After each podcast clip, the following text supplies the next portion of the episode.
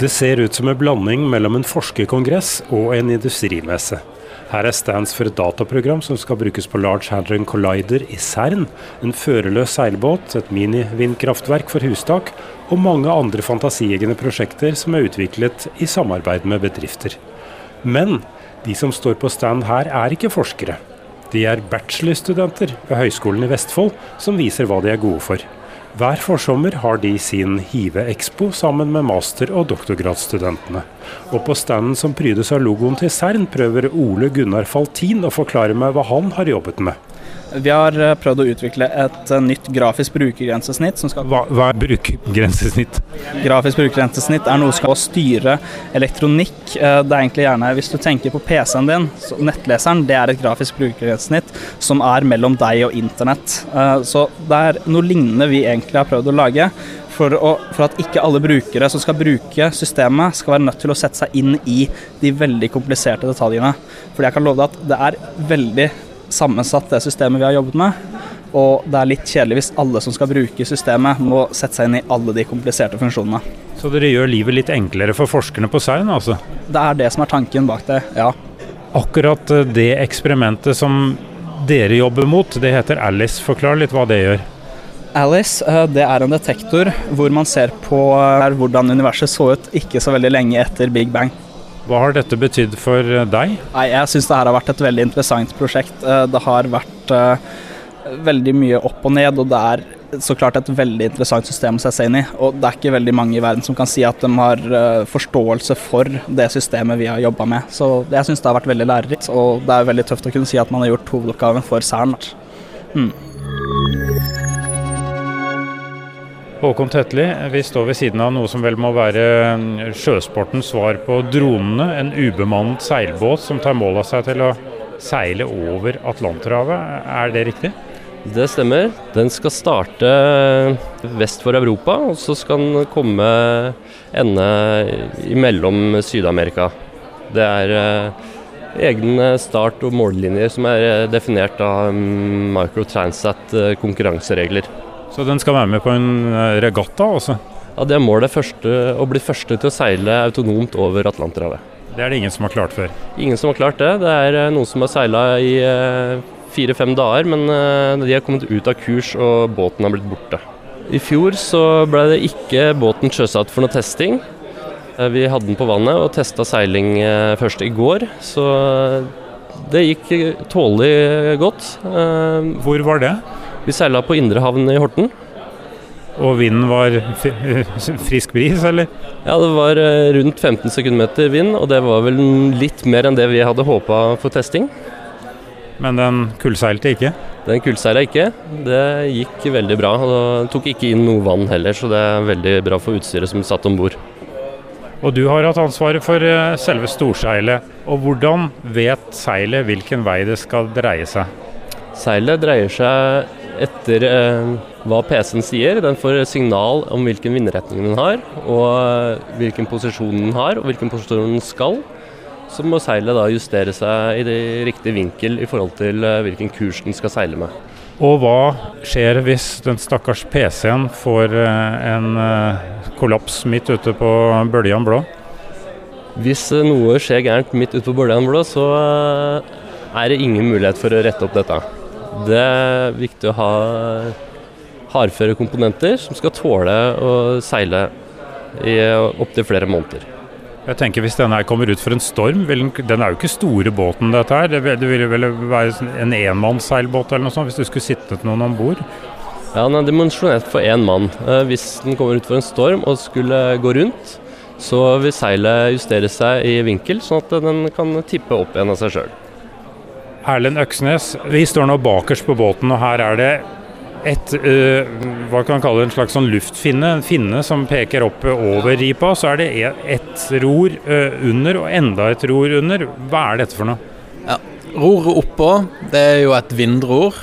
Og til å begynne med så vil jo det stå rett opp mot vinden og ikke ha noe utslag. Men hvis da vinden endrer seg, så vil vindroret vippe til ene sida noe som vil gi en, noen få graders endring på det roret som er i vannet, servopendelroret.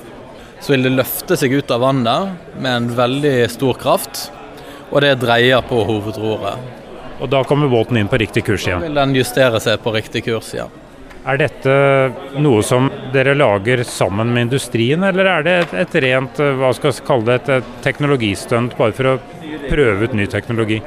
Det er jo et uh, slags teknologistunt, da, men det er jo for å få erfaringer for å kunne oppskalere da, til at uh, store skip skal kunne seile over uh, Atlanterhavet da, for seil. Men i den skalaen så blir det farlig at mennesker blander seg inn i styringa. Så derfor vil de ha mest mulig autonomt, sånn at uh, menneskelig feil ikke påvirker systemet. da. Ser vi her begynnelsen på at vi går nå tilbake til seilalderen igjen? Kan vi tenke oss store seilskip i framtida som er med grønn energi? Ja, det er fullt mulig, og det er det som er poenget, da, eller ultimate mål, at eh, for eh, containerskip, hvis du har 30 dager, om det bruker seilkraft eller dieselkraft, det er jo billigere òg hvis du bare heiser seil og drar av gårde.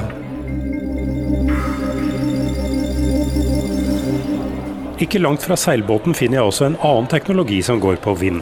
Det ser ut som en stor, bred dyse som snevrer seg innover mot en liten propell.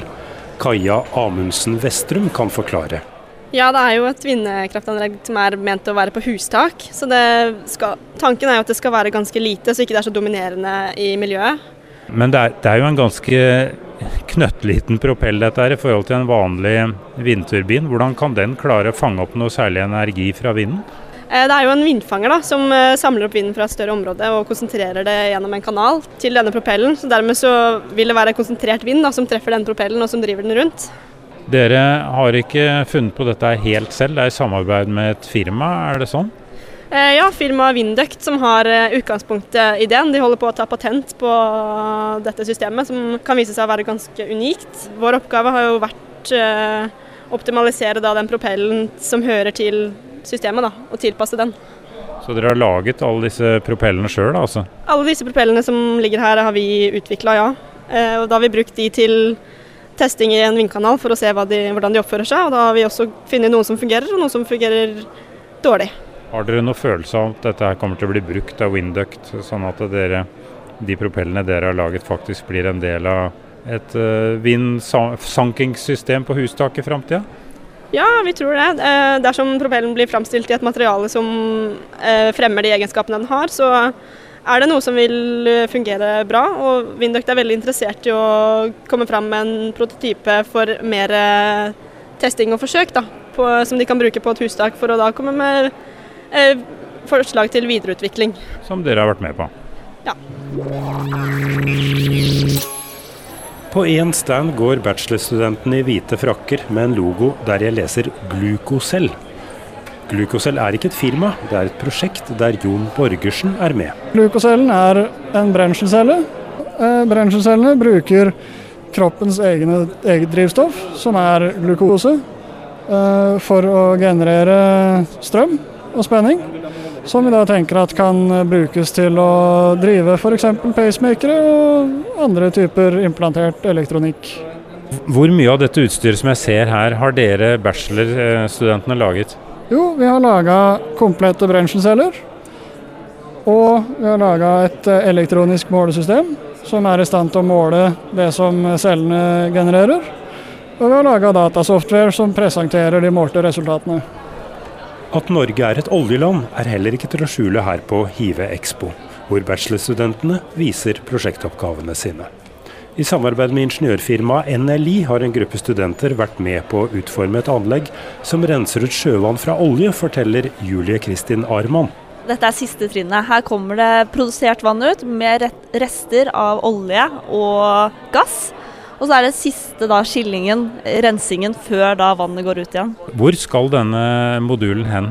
Eh, Denne modulen ville vil i en reell situasjon bli plassert på Goliat-feltet. I Barentshavet. Ja.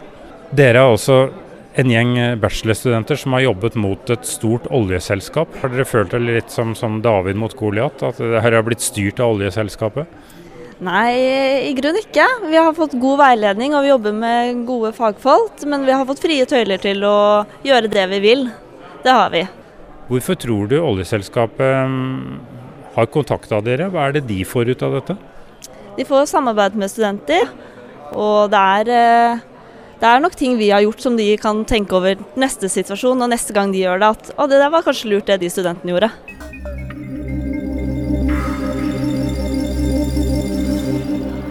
Hvis renseanlegget til Julie Kristin Arman og medstudentene hennes skulle svikte, kan oljelensa til Siv Elisabeth Ervik og hennes gruppe bli nyttig for å samle opp oljesølet. Eh, og dette ser ikke ut som en vanlig oljelense, det ser ut som et slags trekkspill som kan foldes ut. Vi har sett på hvordan en kan fange opp olje, så vi har laga til en spoiler i toppen. Så det er en sånn vannrett plate som gjør at det uh, ikke så lett skvulper olje over? altså? Ja, den gjør at uh, vannmassen og oljen da, skal ligge mer stabil enn det den ville ha gjort uten. For da kan man fint oljen bli sugd under når den blir slått sammen med bølger. Du er bachelorstudent, men jeg ser at du er litt eldre enn de andre bachelorstudentene. Hva er bakgrunnen din? Jeg har vært servitør og måtte omskoleres, og da må jeg finne et yrke som jeg kan eh, jobbe med i mange år. Og jeg har alltid vært glad i matte, og da tenkte jeg at uh, ingeniør i produktdesign var en ting for meg. Jeg er kreativ, og man må jo også selge produktene, og det har jeg erfaring med fra før av. Så du tenker deg en framtid i oljeindustrien, rett og slett? Oljevern, kanskje. Eller i hvert fall innen en bedrift som er ha en bærekraftig utvikling som kan gjøre verden et litt bedre sted. Det er håpet mitt. Her har jeg bare skummet overflaten av alle de spennende prosjektene som stilles ut av bachelorstudentene på Hive Expo. Andre stands kan vise fram interaktivt student-TV, oppgradering av Østbanehallen i Oslo, organisk elektronikk, virtuell spinning og mye mer. Nils Høyvik er leder for Institutt for mikro- og nanoteknologi ved Høgskolen i Vestfold. Og han snakker for hele høyskolen når han understreker at det tette samarbeidet med industrien ikke bør bli for tett. Ja, det er en balansegang. Det er klart. Vi må, vi, på, IMST, på vårt institutt så forsøker vi å legge opp til en sånn tredeling, hvor vi gjerne har en tredel oppgaven er sammen med forskere, en tredel er frie prosjekter hvor man prøver å gjøre ja, noe som aldri har vært gjort før, og så en tredel som er industrirelevante. Så vi prøver å fordele det litt. Noe jeg også ser her, at det er jo utrolig mange utlendinger her. Det er asiater, det ser ut som de kommer fra Sør-Europa. Fra hele verden, egentlig. Men hvorfor er det så få nordmenn? Ja, altså Det er slik i høyere utdanning nå at vi ser at det er en stor del søkere fra Europa uh, som også søker seg nordover. Fordi To grunner. For det første er utdanning gratis i Norge. Betaler ikke skolepenger. Det andre er også at det er jo større arbeidsledighet i andre land i verden, og der er utdanning alfa og mega for å senere få en god jobb. Og disse folkene fra andre land er sikkert eh, kremen av kremen. Bør nordmenn være litt bekymret for at de blir akterutseilt i sitt eget land? Eh, jeg tror vi skal være klare på at vi ser tegn i at utlendinger i land som f.eks. Spania eller Italia og Hellas, eh, hvor de da har mye arbeidsløshet, velger da å studere til høyere grader og kommer til Norge fordi det er gratis. Eh, og de vil nok i stor grad ha en bedre teoretisk bakgrunn enn nordmenn. Men det kan vel også være en fordel på den måten at du får mye talent til industrien i Norge? Ja, absolutt. Og jeg tror også at vi har jo valgt å legge at vår masterutdanning går på engelsk. Og det tror jeg er veldig viktig. For når du først skal ut og jobbe i norsk bedrift, så vil du møte et internasjonalt marked. En ting jeg tenker på som må være en stor fordel med sånn som dere gjør det her, det er jo at uh, det virker som om doktorgradsstipendiatene, masterstudentene og bachelorstudentene må jobbe sammen, og at de ikke finnes i hvert sin lukkede bak sitt hvert sitt vanntette skott. Er det litt forskjellig fra andre universiteter, eller hvordan er det? Uh, ja, altså det Vi forsøker på, vi har disse forskergruppene. Og Forskergruppene er, eh, tar for seg temaer som har noe felles interesse. Der er det gjerne to, tre, kanskje fire professorer som også har to-tre stipendiater. Og de gruppene eksisterer også for master- og bachelorstudenter. Og Da ber vi bachelorstudentene komme inn og være med på ukentlige møter. og det samme med masterne. Legger frem resultater, viser sin forskning, stiller spørsmål og jobber sammen. Og Det tror vi er med på både styrke utdanningen og gjøre prosjektoppgavene mye mer relevante. For Det jeg så var jo f.eks. et sånt prosjekt her med Glukocell, heter det vel, hvor de hadde begynt å lage en eh, brenselcelle som gikk på glukose. Men der var det også sånn at uh, doktorgradsstipendiatet var inne i bildet. Så, så, det viser jo bare at det, det er ett prosjekt som går på alle nivåer. Ja, og det er klart. Eh, forskning koster veldig mye penger. Og Derfor er det ikke lett å ha mange prosjekter på bachelor- og masternivå som ikke er relatert til en aktivitet. Eh, Ph.d.-stipendiatene har jo gjerne finansiering for sine prosjekter, og da ser vi det som en vinn-vinn hvis vi også da kan eh, la masterstudenter jobbe med og bachelorstudenter jobbe med noen oppgavene som den samme ph.d.stipendiaten jobber med. Dette, denne utstillingen her, den, den virker jo som det er mange studenter som går og ser på andre studenter. Er den også åpen for folk utenfra? Ja, absolutt åpen for hvem som helst i hele Norge som ønsker å komme og se på. Åpen for alle. Industri, blikk. Og vi har også hatt noen andre studenter som vi har invitert hit til å komme og bli kjent med høyskolen for å se hva, hvordan det er å være student. Har du sett noen industrifolk her i dag som går rundt og snuser? Jeg har det. Det er et par industrifolk. Det er jo selvfølgelig midt i en arbeidstid, men eh, vi ser at de dukker innom en times tid. eh, Det går over to dager. Så de, folk har hatt god anledning til å komme.